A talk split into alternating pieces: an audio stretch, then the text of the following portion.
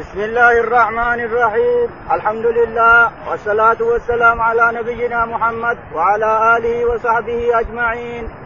قال الإمام البخاري رحمه الله في كتابه الجامع باب فضل من غدا إلى المسجد ومن راح. قال رحمه الله قال حدثنا علي بن عبد الله قال حدثنا يزيد بن هارون قال أخبرنا محمد بن مطرف عن زيد بن أسلم عن عطاء بن يسار عن أبي هريرة رضي الله عنه عن النبي صلى الله عليه وسلم قال قال من غدا إلى المسجد وراها أعد الله له نزلا من الجنه نزلا من الجنة كلما غدا أو راح. بسم الله الرحمن الرحيم الحمد لله رب العالمين وصلى الله على نبينا محمد وعلى آله وصحبه أجمعين.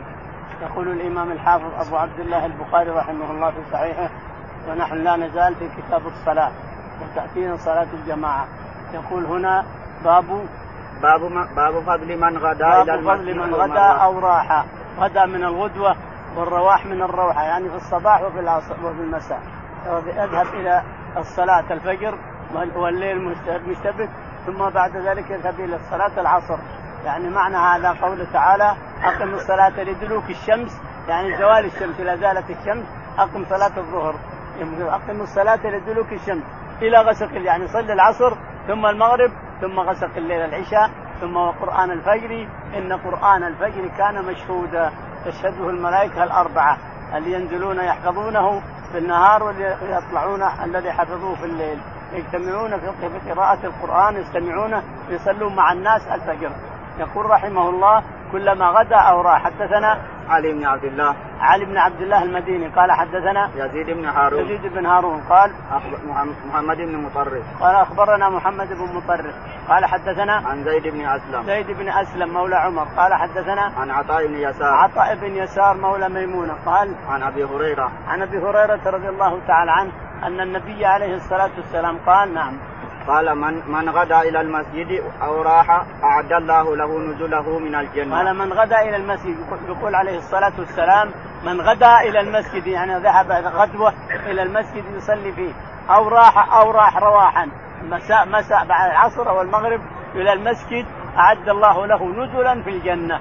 اللي يروح في الصباح واللي يروح في المساء اعد يريد المسجد يصلي في المسجد جماعة أعد الله له نزلا في الجنة. يعني منزل حور عين وقصور وما وما أعده للمؤمنين والصالحين أعده له تعالى وتقدس لعبده إكراما له حيث عمل عملا صالحا نعم. كلما غدا أو راح. كلما نزلا كلما غدا أو راح.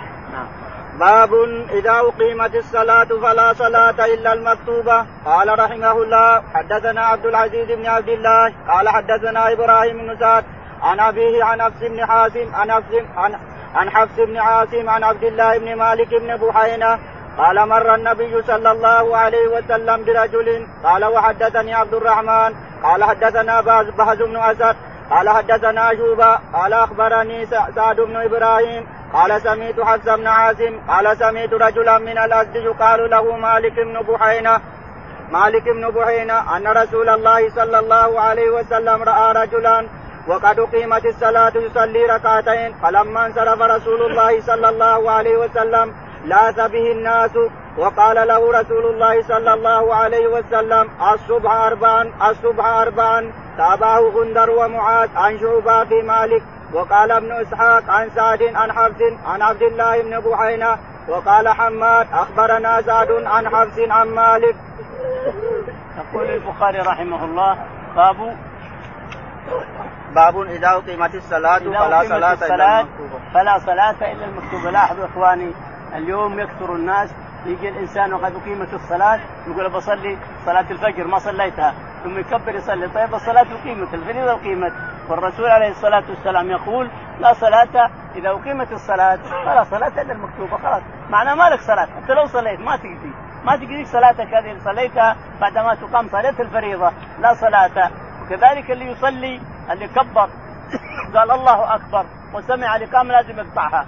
أما الذي ما باقي إلا مثلا التشهد يتشاهد ويسلم لا بأس به. ما يقطعها يتشاهد ويسلم. لكن اللي باقي الركعة أو أكثر من الركعة لازم يقطع الصلاة. إذا أقيمت الصلاة الفريضة فلا صلاة إلا المكتوبة. ولا ولا يجوز لمسلم أن ينشئ صلاة بعدما أقيمت الفريضة. ما يجوز لمسلم أن ينشئ صلاة سواء ركعتي الفجر أو غيرها بعدما تقام الفريضة. لا يجوز هذا. حتى لو كنت في صلاة الإنسان وأقيمت الصلاة اقطعها إلا إذا كنت في التشهد فكمل تشهدك وسلم إلى آخره. إذا أقيمت الصلاة فلا صلاة إلا المكتوبة. السند حدثنا عبد العزيز بن عبد الله. حدثنا عبد العزيز.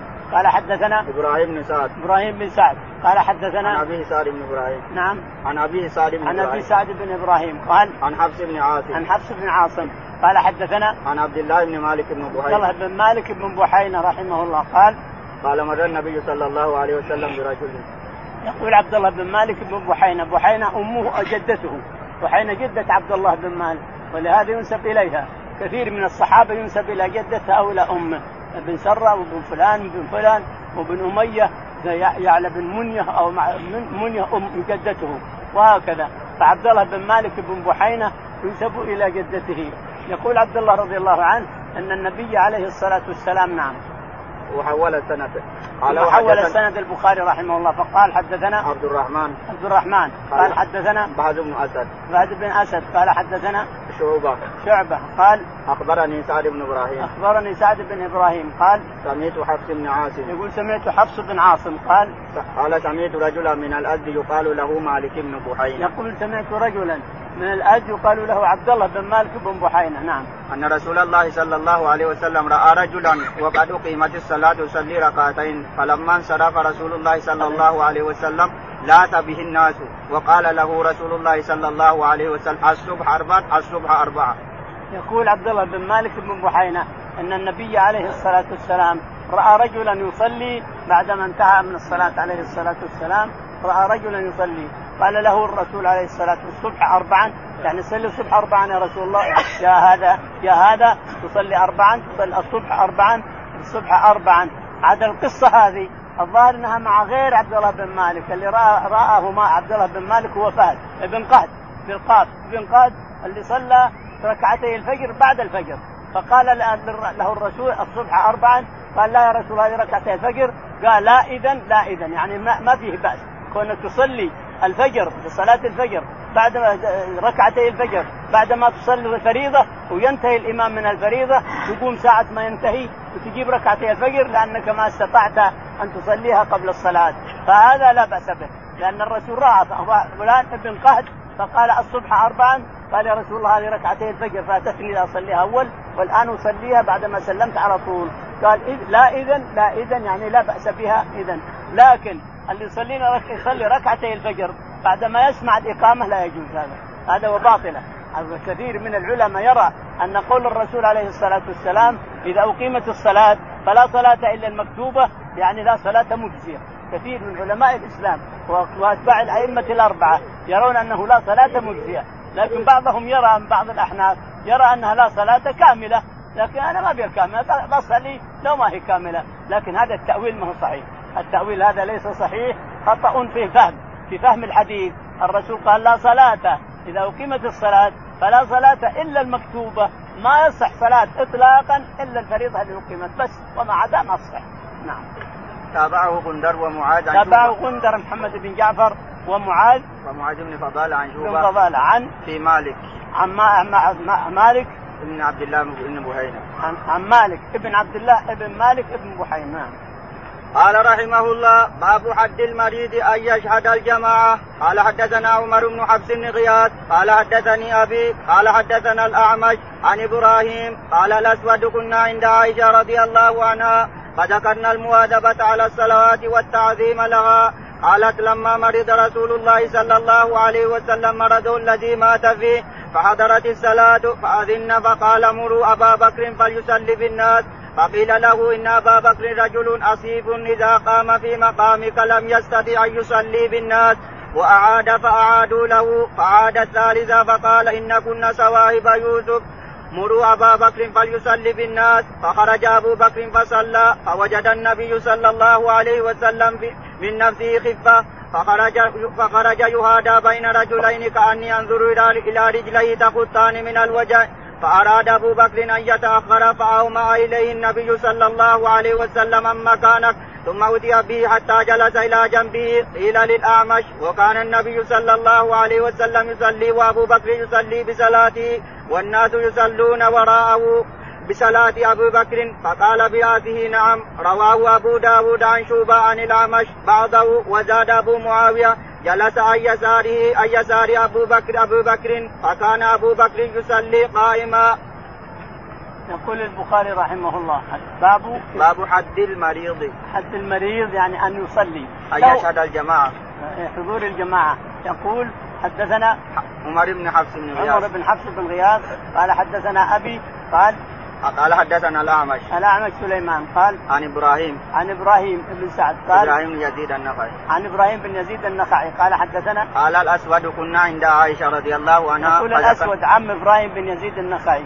إبراهيم بن يزيد ما أدرك عائشة. الأسود هو الذي هو متروك الأجدع يأتون إلى بابها ويستمعون مع أمم تحط كرشه وتخطب الناس وتحدث الناس عما سمعت عن الرسول عليه الصلاة والسلام ويسألونها وتجاوب رضي الله عنها وأرضاها.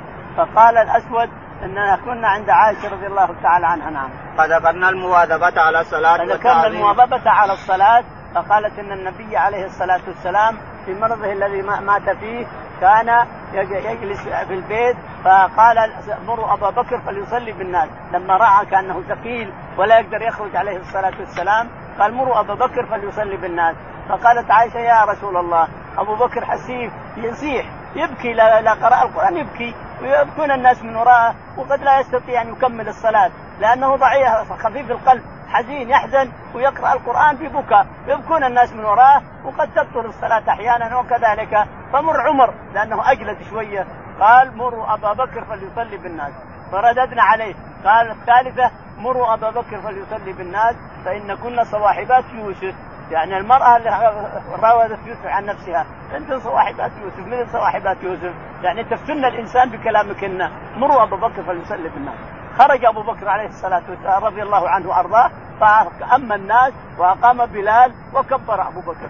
كبر الصلاة. لكن الرسول عليه الصلاة والسلام بعد مدة قصيرة رأى خفة في نفسه فحمله العباس وعلي بن أبي طالب رضي الله عنه. هذا عن يمينه وعن شماله وهو تخط رجليه في الأرض. فحملوه إلى الصف. لما رأى الناس أنه تقدم تقدم سكتوا صمتوا مرة واحدة إلا أنهم صفقوا يريدون أن ينبهوا أبا بكر الصديق رضي الله عنه. فتنبه أبو بكر ورأى أن الرسول سيتقدم فأراد أن يتأخر فأومى له مكانك مكانك. فجلس في مكانه وصار الرسول عن يسار أبي بكر وأبو بكر عن يمينه. الرسول يكبر ويقرأ وأبو بكر يبلغ. أبو بكر رضي الله عنه يبلغ عن الرسول عليه الصلاة والسلام والرسول هو اللي يكبر. الله أكبر. وأبو بكر يبلغ الناس. معنى هذا أننا احتجنا اذا المبلغ. نحط مبلغ. لا لا بأس به. إذا احتجنا إلى المبلغ مثل الميكروفونات هذه أننا نحتاجها هنا. ما نسمع تلاوة القرآن. لولا المبلغ هنا لو لولا الميكروفون عندنا هنا. ما سمعنا ولا ندري شو يقول. فإذا احتاج الناس إلى مبلغ جاز. هذا بخلاف من يشتد في دين الله ويغلو ولا يبلغ بدعة. ما هو بدعة. إذا احتجنا إليه ليس بدعة. الرسول عليه الصلاة والسلام كان له مبلغ أبو بكر الصديق. الرسول يكبر عليه الصلاة والسلام وأبو بكر يبلغ. كل الناس لهم مبلغين. ابن عباس له مبلغ أيضا في الصلوات. فلا حاجة إلى بدعة هما بدعه من, يجيب من بدعة سنة؟ الرسول فعلها. هو أبو بكر الصديق. هل تأتي بأحد أفضل من الرسول؟ أو من أفضل من أبي بكر تأتي بأحد؟ ما تقدر تأتي بأحد. فلا حاجة إلى بدعه هما بدعة من الميكروفون هنا لولا الله تعالى وتقدس ثم السماعه ما سمعنا وش يقول الإمام؟ ولا قراءته ولا تكبيره ولا شيء. الحاجة ملحة إلى أننا نحط ميكروفون نحط مبلغ يبلغ عن قراءة الإمام ويبلغ تكبيرات الإمام ويبلغ شيء. لك أن تقول أن الإمام نسمع تلاوته نحن نسمع تلاوته ونسمع تكبيره ونسمع حركاته كلها. هو بنفسه فلا حاجة إلى مبلغ. نقول نعم لكن قد يحتاج إلى مبلغ. الإمام قد يخفض صوته ويكبر. ما ينتبه الناس ننتبه للمبلغ أحيانا. ولا صحيح إن الإمام نسمع صوته في الميكروفون ونسمع قراءته ونسمع كل شيء ولكن المبلغ زيادة. زيادة لئلا يصير صوت الإمام ضعيف لئلا يسع اليكح لئلا ما نبيه يقول سمع الله ويقول الله أكبر. الشاهد أن المبلغ ما يوضح بس يوضح ما حصل الحالة اللي فيها الإمام يوضحها. نعم. قيل للعمش وكان النبي صلى الله عليه وسلم. عندنا اخذ يعني في المكتب ممنوع يقول. بعد احد بعد الدرس جزاك الله خير ما أنا مفتيك. بعد الدرس إن شاء الله. قيل. قيل للاعمش وكان النبي صلى الله عليه وسلم يصلي وأبو بكر يصلي بصلاته والناس يصلون بصلاة أبي بكر فقال برأسه نعم. يقول قيل للأعمش قيل له إن أبو بكر الرسول عليه الصلاة والسلام يكبر وابو بكر يكبر بتكبيره والناس يكبرون بتكبير أبي بكر. قال نعم نعم هذا اللي حصل. نعم هذا اللي حصل. عائشة رضي الله تعالى عنها قالت خرج يهادى بين رجلين. قال الع... ابن عباس رضي الله عنه أتدري من هم الرجلين؟ قال إنها تقول العباس. طيب والثاني؟ قال ما سمته ليش عائشة ما ما تكري علي؟ لا ما تسميه اطلاقا. فقال هو علي بن أبي طالب علي عن يساره والعباس عن يمينه. حملاه حتى أوصلاه إلى الصف. نعم. قال رحمه الله حدثنا إبراهيم بن موسى قال قال أخبرنا هشام بن يوسف عن معمر عن الزهري قال أخبرني عبيد الله بن عبد الله قالت قال قالت عائشة لما ثقل النبي صلى الله عليه وسلم واشتد وجعه استأذن أزواجه أن يمرض في بيتي فأذن له فخرج بين رجلين تفت رجلاه الأرض وكان بين العباس ورجل آخر قال عبيد الله فذكرت ذلك لابن عباس. ما قالت عائشة فقال لي وهل تدري من من الرجل الذي لم تسمع عائشة؟ قلت لا. وقال هو علي بن أبي طالب يقول البخاري رحمه الله مؤكدا ما سبق. حدثنا إبراهيم بن موسى. إبراهيم بن موسى. قال حدثنا هشام بن يوسف. هشام بن يوسف. قال حدثنا عن معمر. عن معمر. قال عن الزهري. عن الزهري بن شهاب. بن شهاب. قال أخبرني عبيد الله بن عبد الله يقول. أخبرنا عبيد الله بن عبد الله بن عتبة بن مسعود. نعم. قالت عائشة لما ثقل النبي صلى الله عليه أخبرتني وسلم عائشة أن النبي عليه الصلاة والسلام لما ثقل أمر ابا بكر كما مرنا. مر أنه قال مروا أبو بكر فليصلي بالناس وحصلت المحاورة بينه وبين عائشة وحفصة حتى قال إن كنا صواحبات يوسف. فأما أبو بكر أقيمت الصلاة فتقدم يصلي بالناس رضي الله عنه وأرضاه. لكن النبي عليه الصلاة والسلام أحس بخفة بنفسه فحمله اتكى له عن يمين العباس عمه وعن يسار علي بن أبي طالب رضي الله عنه وأخرجوه من غرفته حتى أوصلوه إلى المكا- المكان التي يريد أن يجلس فيه. فجعلوه عن يسار أبي بكر. فالرسول عليه الصلاة والسلام يكبر بصوته على قدر صوته وأبو بكر يبلغ الناس بصوته الجهوري. والناس يأتمرون أو يأتمون بصلاة أبي بكر الصديق رضي الله تعالى عنه وأرضاه. يقول الاسود يقول الأسود فذهبت إلى ابن عباس واخبرته وأخبرته بما قالت. قال هل تدري ما ما الرجل الثاني؟ سمته لك؟ قال لا. قال علي بن أبي طالب رضي الله تعالى عنه. قالت عائشة لما ثقل النبي صلى الله عليه وسلم واشتد وجعه استأذن أزواجه أن يمرض في بيتي فأذن له. يقول أن يقول عائشة رضي الله تعالى عنها تقول ان النبي عليه الصلاة والسلام لما اشتد به الوجع وبدا به الوجع في 29 صفر. لاحظوا يا إخواني لما حج هنا عليه الصلاة والسلام حجة الوداع ودع الناس. ولهذا سمت حجة الوداع. ودع الناس. قال لعلي لا ألقاكم بعد عامي هذا ولا لقاهم بعد هذا. 81 يوم لحق بربه. 81 يوم فقط من حجة الوداع لحق بربه. بدأ به الوجع من 29 صفر. ومشى الوجع معه إلى 12 ص- ربيع الأول. إلى 12 قبض في 12 ربيع الأول. ولد في 12 ونبئ ب ونبئ ب 12 وج- وهاجر ب 12 ومات ب 12 من ربيع الأول من هذا الشهر. الشاهد أنه عليه الصلاة والسلام خرج مع علي يقول استأذنت استأذنت استأذن أن يمرض في بيت عائشة. ليش؟ لأن الوحي ما يأتيه إلا في بيت عائشة. الوحي ما يأتيه إلا في فراش عائشة. فاستأذن زوجاته الثمان أن يمرض في بيت عائشة فصار في بيت عائشة دائما لأن الوجع ثقل عليه جدا ولا يقدر يدور فأذن له أزواجه أذن له فجلس في بيت عائشة فحصل ما حصل وهو أنه صار خفيفا يوم من الأيام وخ- وأمر أبو بكر أن يصلي بالناس ثم خرج هو عليه الصلاة والسلام بين رجلين حتى أوقفاه أو أجلساه عن يسار أبي بكر ثم صار هو يكبر عليه الصلاة والسلام وأبو بكر يكبر للناس والناس يأتمرون يأتمون بصلاة أبي بكر الصديق رضي الله عنه. اصبر جالس باب؟ باب الرخصة في المطر والعلة أن يصلي في رحله. قال رحمه الله حدثنا عبد الله بن يوسف قال أخبرنا مالك عن نافع أن ابن عمر أذن أذن رسول الله أذن صلى أذن صلى الله عليه بالصلاة في ليلة ذات ذات برد وريح. ثم قال ألا صلوا في الرحال. ثم قال إن رسول الله صلى الله عليه وسلم كان يأمر المؤذن إذا كانت ليلة ذات برد ومطر. يقول ألا صلوا في الرحال. يقول البخاري رحمه الله باب الصلاة في الرحال. حدثنا باب الرخصة في المطر والعلة أن يصلي في رحله. باب الرخصة في المطر والمرض وغير أن يصلي في رحله. حدثنا عبد الله بن يوسف. عبد الله بن يوسف التنيسي. قال حدثنا مالك. مالك. قال حدثنا عن نافع. عن نافع. قال أن ابن عمر أذن بالصلاة في ليلة ذات برد وريح. نافع يقول ابن عمر رضي الله عنه أذن في ليلة مطيرة وذات برد فقال المؤذن قل الصلاة في الرحال الصلاة في الرحال. مثل البارحة يجب أن يكون الصلاة في الرحال. مثل ليلتنا البارحة مطر ورياح وأمطار غزيرة يصلون الناس في رحالهم لأنه لو طلع الإنسان بيصلي تخط ثيابه بالأرض كلها وينطبع ويتوسخ والمال ممنوع عن ذهابه. أن الله ينهاكم عن قيل وقال وكثره السؤال وإضاعة المال. أجي أنا أمشي في المطر وفي الشوارع والشوارع كلها ماء أغطس إلى نصف الساق والى الركبة ثيابي تتوسخ وثيابي اللي فوق تتوسخ وأنا انشق أنا صل في الرحال. صل في بيتك يا أخي لا تطلع. والمفروض أن حتى الحرم يقول للناس صلوا في الرحال صلوا في الرحال. لأن هذه سنة سنها الرسول عليه الصلاة والسلام إذا كان مطر أو برد أو سيول في الشارع أو شيء من هذا أن يقول صلوا في الرحال صلوا في الرحال. نعم.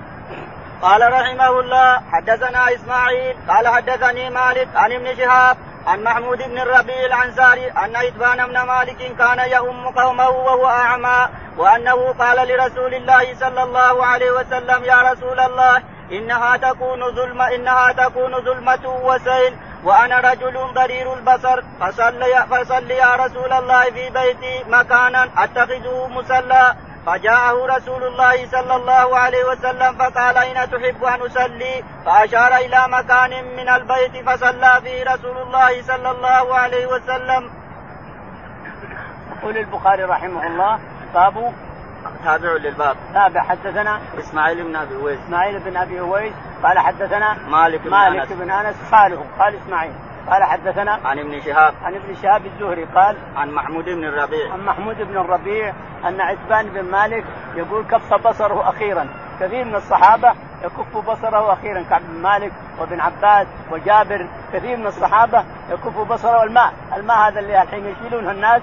إذا صار في بصرك ماء أبيض يشيلونها الناس. هذا بحمد الله تقدم الطب ولكن الصحابة لا كانوا يعمون من الماء هذا يصير على النظر. فيكفون. جابر وابن عباس وكعب وغيرهم كثير كانوا ينقادون. فالشاهد أن عتبان صار مريض أعمى في الآخر.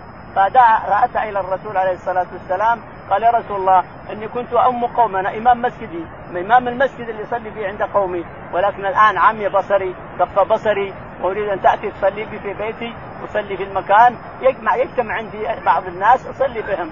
قال نعم. فلما تضاحى النهار جاءه أبو بكر الصديق رضي الله تعالى عنه ويقول إنه أخذ ما من دلو أو من قدح ومجه في في الربيع. محمود بن الربيع. محمود بن الربيع. يقول عقلت مجة مجها الرسول عليه الصلاة والسلام في وجهي. يعني أخذ من القدح ماء ثم مجه يداعب الطفل. أبو خمس سنوات أو ست سنوات. عقلت مجة مجها الرسول في وجهي. الشاهد أنه قال إلى أين تصلي؟ أين تريد أن نصلي؟ يا عتبان قال إلى هنا يا رسول الله. فصلى الرسول عليه الصلاة والسلام محل ما أشار إليه. معنى هذا أن الصلاة في البيوت جائزة. لأن الرسول عليه الصلاة والسلام قال صلوا بيوتكم ولا تجعلوها قبورا.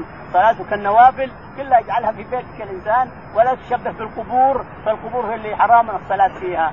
صل في بيتك جميع النوافل إن استطعت الفريضة في الجماعة وفي المساجد والنوافل كلها في بيتك أفضل لك حتى أفضل من الحرم أفضل من تحت الكعبة. صلاتك في بيتك النوافل أفضل حتى من تحت الكعبة. نعم. باب هل يصلي الإمام بمن حضر وهل يخطب يوم الجمعة في المطر؟ قال رحمه الله حدثنا عبد الله بن عبد الوهاب قال حدثنا حماد بن زيد قال حدثنا عبد الحميد.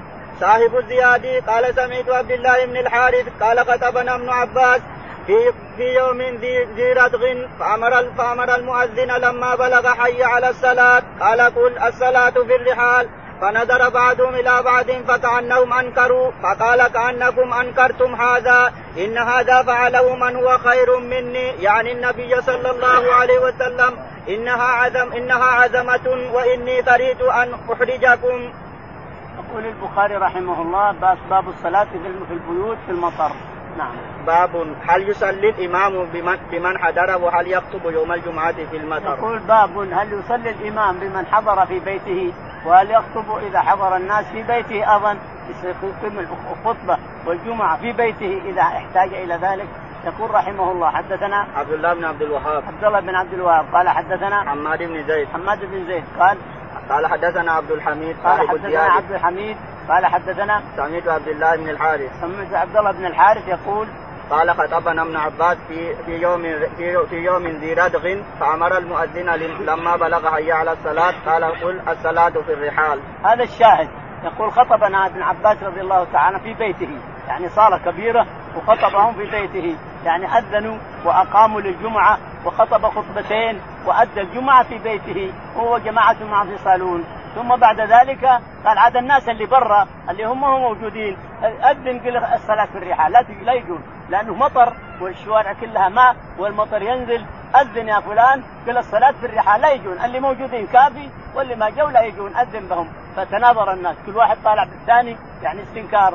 قال استنكرت هذا فعله من هو خير مني الرسول عليه الصلاة والسلام. لئلا يحرج الناس إذا صار مطر وإذا الشوارع كلها ماء فانت تقول صلوا في رحالكم صلوا في رحال حتى الجمعة. اذا اجتمع ناس 40 نفر أو أقل أو أكثر واجتمع 12 نفر وغيرهم تصلي بهم الجمعة في بيتك إذا كان صالون كبير واجتمع الناس عندك في البيت تصلي بهم الجمعة. لا بأس بذلك. نعم. إنها عزمة وإني كرهت أن أحرجكم. يقول إنها عزمة. يعني كون المجيء إلى الجمعة عزمة عزمة عزمة عزمة, عزمة ربنا أو عزمة الرسول عليه الصلاة والسلام.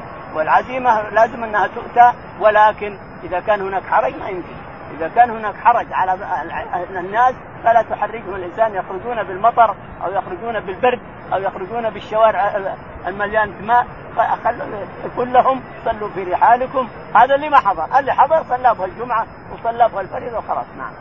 وعن حماد بن زيد عن عاصم عن عبد الله بن الحارث عن ابن عباس نهوه غير أنه قال قريت أن ان ان اؤثمكم فتجيئون تدوسون تدوسون الطين إلى ركبكم.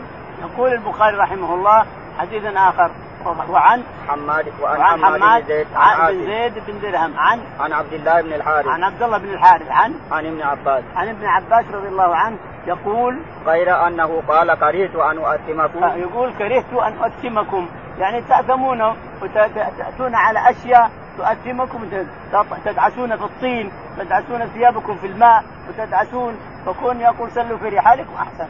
فليسمع قول المؤذن صلوا في رحالكم يجلس في بيته يصلي في بيته ولا يرجع ولا يجي. اللي جاء خلاص واللي ما جاء يصلي في بيته. نعم. تدوسون الطين إلى ركبكم. تدوسون الطين يعني السيول كلها إلى الركبة. السيول تصرق لك الإنسان إلى الركبة. طين وماء وبرد. نعم. قال رحمه الله حدثنا مسلم بن إبراهيم قال حدثنا هشام عن يحيى عن أبي سلمة قال سألت أبا سعيد الخدري فقال جاءت سحابة فمطرت حتى سال السقف وكان وكان من جريد النقل فأقيمت الصلاة فرأيت رسول الله صلى الله عليه وسلم يسجد في الماء والطين حتى رأيت أثر الطين في جبهته.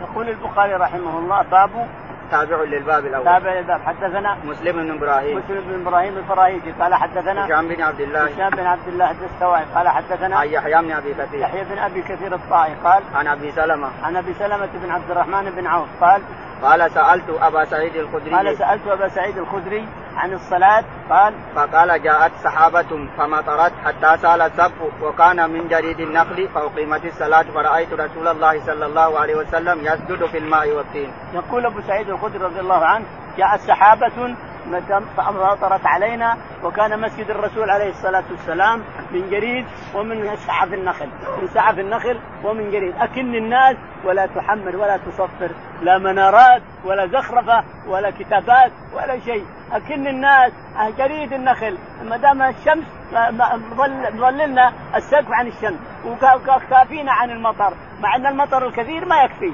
ينزل المطر. في 21 رمضان أول رمضان من فرض صلى الرسول عليه الصلاة والسلام في ماء وطين. يقول كأني أنظر الطين في جبهته وخشمه.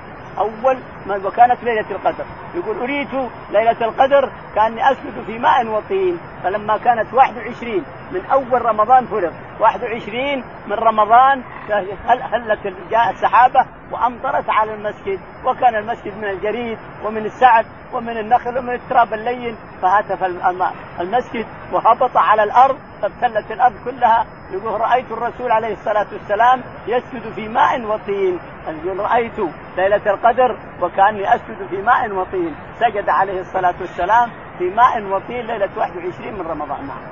قال رحمه الله حدثنا آدم قال حدثنا جوبا قال حدثنا أنس بن سيرين قال سمعت أنس يقول قال رجل من الأنصار إني لا أستطيع الصلاة معك وكان رجلا ضخما فصنع للنبي صلى الله عليه وسلم طعاما فدعاه إلى منزله فبسط له حسيرا ونضع ونضع طرف الحسير صلى عليه ركعتين فقال رجل من آل الجارود لأنا قال. قال سمعت أنس يقول قال رجل من الأنصار إني لا أستطيع الصلاة معك وكان رجلا ضخما. يقول أنس بن سيرين وتعلمون أن أنس بن سيرين أخو محمد بن سيرين ومعبد بن سيرين كلاهم موالي لأنس بن مالك رضي الله عنه.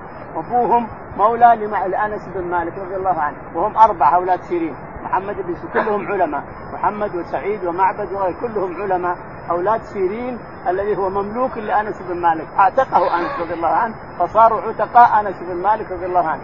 يقول يحدث عن أنس بن مالك رضي الله عنه أن رجلا ضخما أتى إلى النبي عليه الصلاة والسلام يطلب منه أن يصلي له في بيته. رجل ضخم ثقيل ولا يستطيع ما يستطيع يصل المسجد إلا بكلفة ومشقة. فقال الرسول نعم فأتاه عليه الصلاة والسلام ضحى وراه اين يصلي؟ فرش حصيرا في بيته فصلى له الرسول عليه الصلاة والسلام وصار هو مصلاه. هذا الضخم اللي ما يقدر يأتي المسجد لثقل جسده.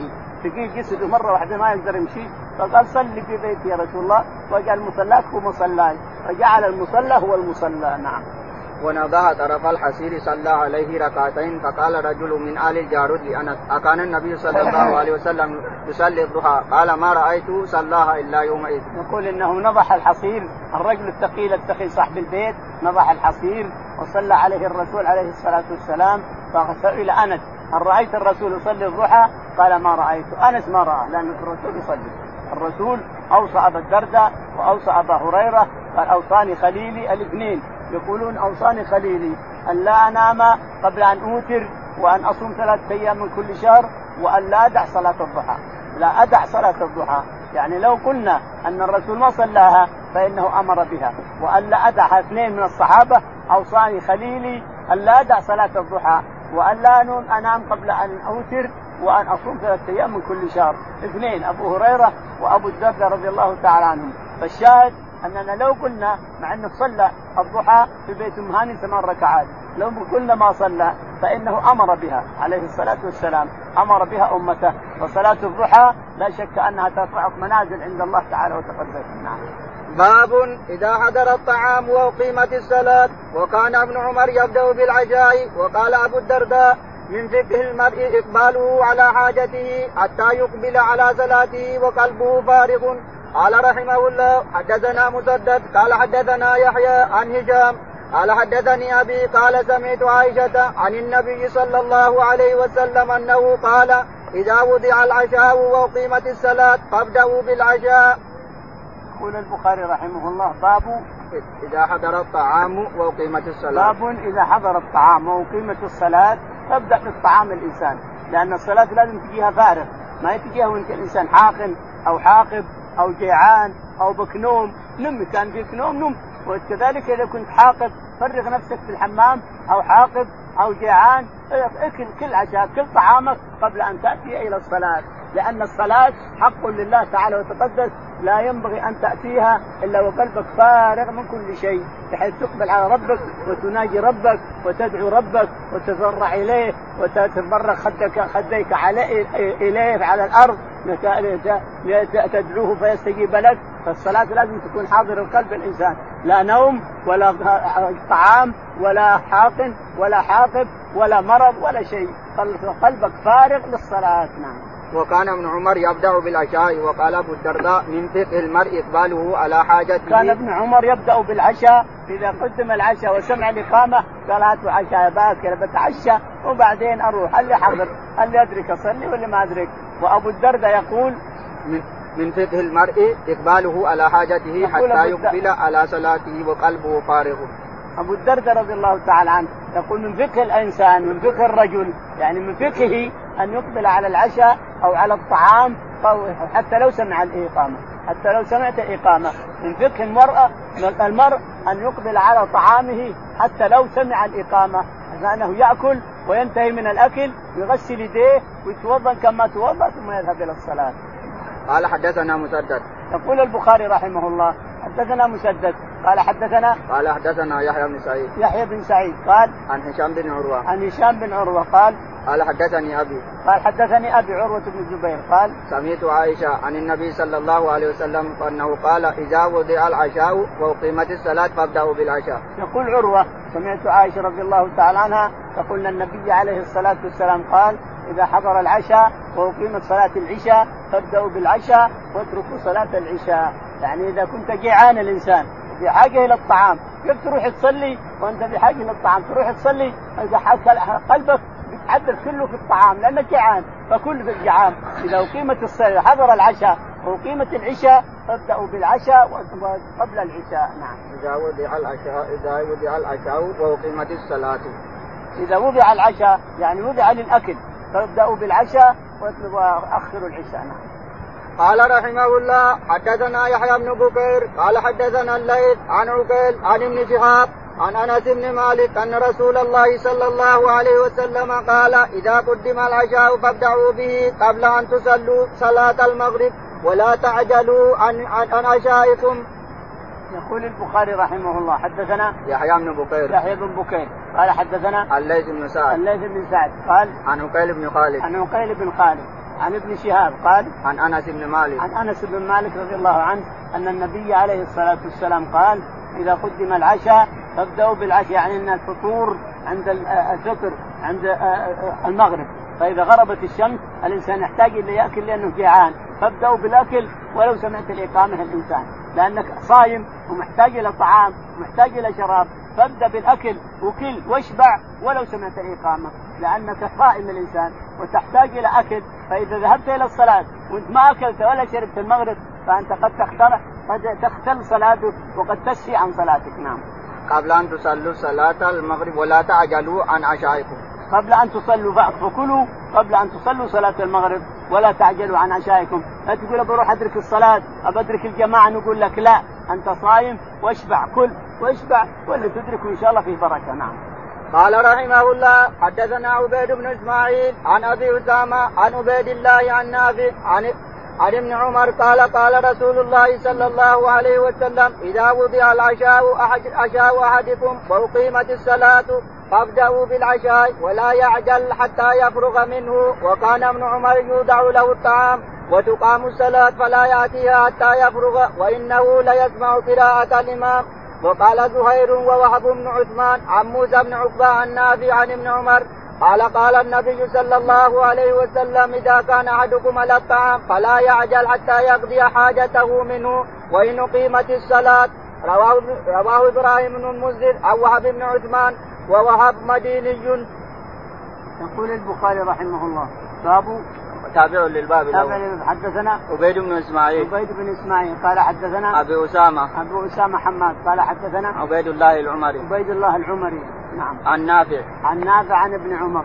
أنه قال أن النبي عليه الصلاة والسلام قال إذا قدم العشاء وقيمة العشاء فابدأوا بالعشاء قبل العشاء. ابدأ بالأكل الإنسان يتفرغ منه. مع هذا رحمة ومنة وكرم لعباده من ربنا تعالى وتقدس لعباده. أنت جيعان وتريد الأكل وجاء الأكل وضع قدامك والإقامة اقيمت ماذا تصنع؟ وقعت في حرج الإنسان أما تروح تصلي ولا تأكل؟ ربك سمح لك أن تأكل منه وكرم وعطف مولاي تعالى وتقدس على عبده الضعيف المسكين الذي لو ما أكل كان اختلت صلاته، ربما يكون حديثه كلها في الصلاة حديثه في الأكل وفي الشرب وفي لا كل كل واشبع ثم اذهب صل هذه من الله تعالى وتقدس رحمه ومنه وعطف نعم. ولا يعجل حتى يفرغ منه. ولا يعجل حتى يشبع بعد، مو بس تاكل شيء، لا تعجل حتى تشبع. فإذا شبعت اذهب صلي، اللي تدرك صلي ولا فيه بركة. نعم. وكان ابن عمر يودع له الطعام وتقام الصلاة فلا ياتي حتى يفرغ وإنه ليسمع قراءة يقول وكان ابن عمر رضي الله تعالى عنه يوضع له الطعام ثم يسمع الإقامة ثم يجلس على الطعام. ما بدأ فتوه موضوع الطعام لكن الإقامة حصلت. أو قيمة سمع فجلس يأكل حتى يفرغ ثم يذهب إلى الصلاة. نعم. وهذه هو السنة. هذا هو السنة إذا وضع طعامك وسمعت الإقامة فكل حتى تشبع ثم اذهب الإنسان. وقال زهير بن زهير بن معاوية ووهب بن عثمان عن موسى بن عقبة عن نافع عن ابن عمر قال قال النبي صلى الله عليه وسلم إذا كان أحدكم على الطعام فلا يعجل حتى يقضي حاجته منه وإن أقيمت الصلاة.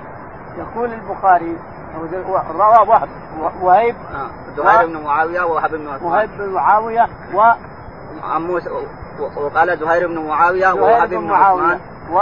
ووهب بن عثمان عن موسى بن عثمان. عن موسى بن عقبة. عن موسى بن عقبة. عن عن نافع. عن نافع عن ابن عمر.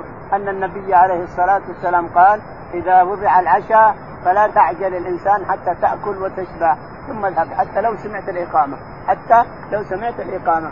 هذا توجيه من رب العالمين توجيه من نبينا عليه الصلاة والسلام ورحمة بأمته وتوجيه لأمته أنك لا تخرج إلى الصلاة وتدخل في الصلاة وقلبك مشغول بغير الصلاة. الصلاة لازم تتفرغ نعم. باب إذا دعي الإمام إلى الصلاة وبيده ما يأكل قال رحمه الله حدثنا عبد العزيز بن عبد الله قال حدثنا إبراهيم عن صالح عن ابن شهاب قال أخبرني جعفر بن عمرو بن أمية أن أباه قال رأيت رسول الله صلى الله عليه وسلم يأكل ذراعا يحتز منها فدعي إلى الصلاة فقام فطرح السكين فصلى ولم يتوضأ. يقول البخاري رحمه الله باب إذا كان يأكل ومعه لحم يأكله وسمع الإقامة ويأكل فإنه له إذا كان قد أكل وشبع له أن يترك السكين ويترك اللحم ويذهب يصلي يغسل يديه بمضمضه بس ياكل هذا دليل على أنك لا تتوضأ يا إنسان. الوضوء الكامل كما يقول بعض الأحناف لازم تتوضأ مما مست النار توضأ وضوء كامل وضوءك للصلاة كامل. هذا الرسول عليه الصلاة والسلام غسل يديه ومضمضته ذهب وصلى بالناس ووضع السكين. يقول البخاري حدثنا عبد العزيز بن عبد الله. عبد العزيز بن عبد الله. قال حدثنا إبراهيم بن سعد. إبراهيم بن سعد. قال حدثنا عن صالح بن كيسان. عن صالح بن كيسان. قال عن ابن شهاب الزهري. عن ابن شهاب الزهري. قال أخبرني جعفر بن عمرو بن أمية الضمري. قال أخبرني جعفر بن عمرو بن أمية الضمري رضي الله عنه. قال أن أباه قال رأيت رسول الله صلى الله عليه وسلم يأكل ذراعا يهتز منها فدعي إلى الصلاة فقام فطرح السكين فصلى ولم يتوضأ.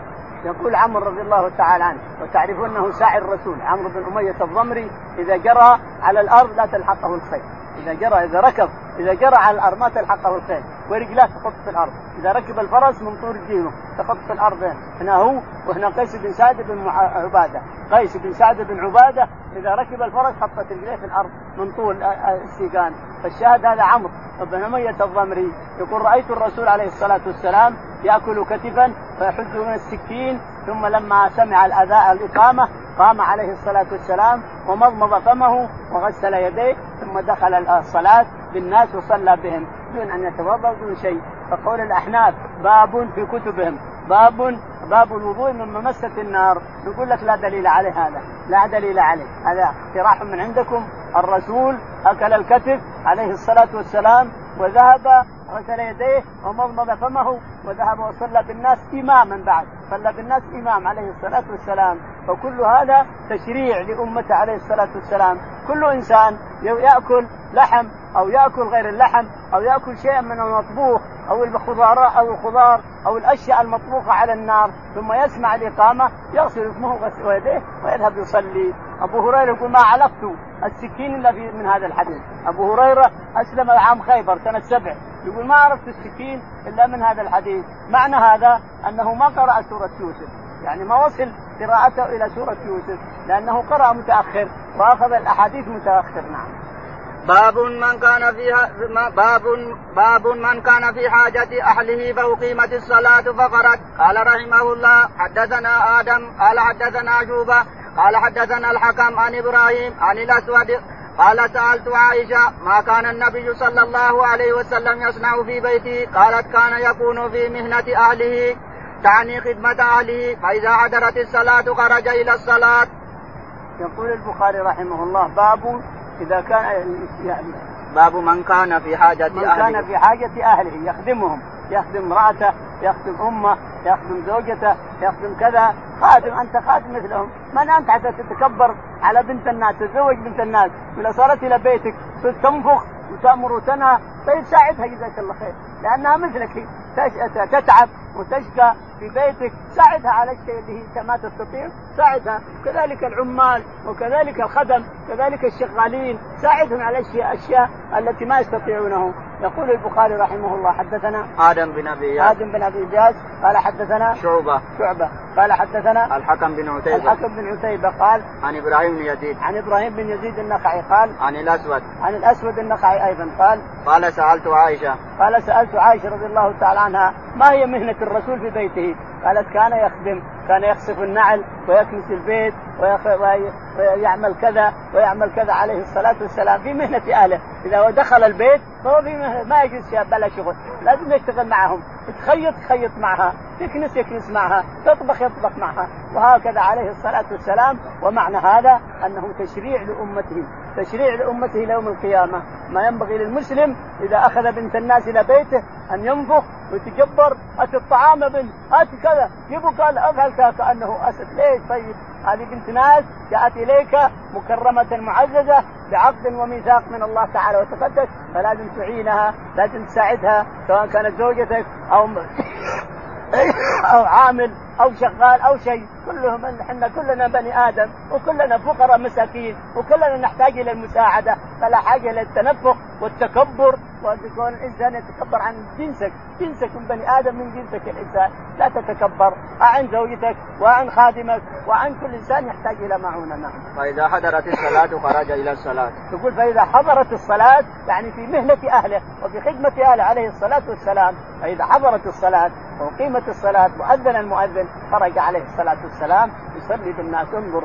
كيف الأخلاق الفاضلة كيف علم أمته ووجه أمته ومشى الحديث إلى يومنا هذا 15 قرن بينه وبينه وأحاديثه تتلى أنك لا الانسان تعمل بعمل الرسول عليه الصلاة والسلام وتخلق بأخلاقه نعم. باب من صلى بالناس وهو لا يريد إلا أن يعلمهم صلاة النبي صلى الله عليه وسلم وسنته قال رحمه الله حدثنا موسى بن إسماعيل قال حدثنا وهيب قال حدثنا أيوب عن أبي قلابة قال جاءنا مالك بن الحويرث في مسجدنا هذا فقال إني لأصلي بكم وما أريد الصلاة. وما أريد الصلاة أصلي كيف رأيت النبي صلى الله عليه وسلم يصلي؟ فقلت لأبي قلابة كيف كان يصلي؟ قال مثل شيخنا هذا. قال وكان شيخا يجلس إذا رفع رأسه من السجود قبل أن ينحض قبل أن ينحض في الركعة الأولى. يقول رحمه الله باب باب من صلى بالناس وهو لا يريد باب من صلى بالناس وهو لا يريد الصلاة بس يعلمهم يريد تعليمهم. حدثنا موسى بن إسماعيل. موسى بن إسماعيل قال حدثنا وهيب بن خالد. وهيب بن خالد قال حدثنا أيوب السختياني. أيوب السختياني قال عن أبي قلابة. عن أبي قلابة قال قال جاءنا مالك بن الحويري. يقول جاءنا مالك بن الحويري الجرمي يعني قبيلته جرم. وصل إلى جاء قبيلته يزورهم فجاء إليهم يقول جاءنا مالك بن الحويرث فقال هلا اصلي بكم صلاة الرسول عليه الصلاة والسلام كما رأيت يصلي؟ قلنا نعم. فقام وصلى حتى انتهى من صلاته. فسالناه ما هي صلاته؟ سألوه كيف صلاته لما صلى بكم كيف صلى؟ قال يصلي من صلاة هذا الشيخ. يعني الشيخ هذا كان يجلس في الاستراحة مالك بن الحويرث يقول إن النبي عليه الصلاة والسلام كان يجلس في الاستراحة إذا قبل أن ينهض من الركعة الأولى الثانية. جلس للأولى ثم ينهض الثانية يجلس استراحة هذا الحديث ورد كما ترون في البخاري ومسلم لكن أمة محمد بكاملها إذا لم يعمل به الصحابة ما نعمل به. وراه واحد, من الصحابة وعمل به شخص من الصحابة لكن صحابة الرسول المهاجرون والأنصار ما عملوا به نحن ما إحنا مكلفين نعمل به. فجلسة الاستراحة اللي يجلس؟ ما نقول له شيء واللي ما يجلس؟ أحسن. فالشاهد والله أعلم. وصلى الله على محمد. اللهم اهدنا فيمن هديت وعافنا فيمن عافيت وتولنا فيمن توليت. اللهم توفنا مسلمين وألحقنا بالصالحين يا رب العالمين.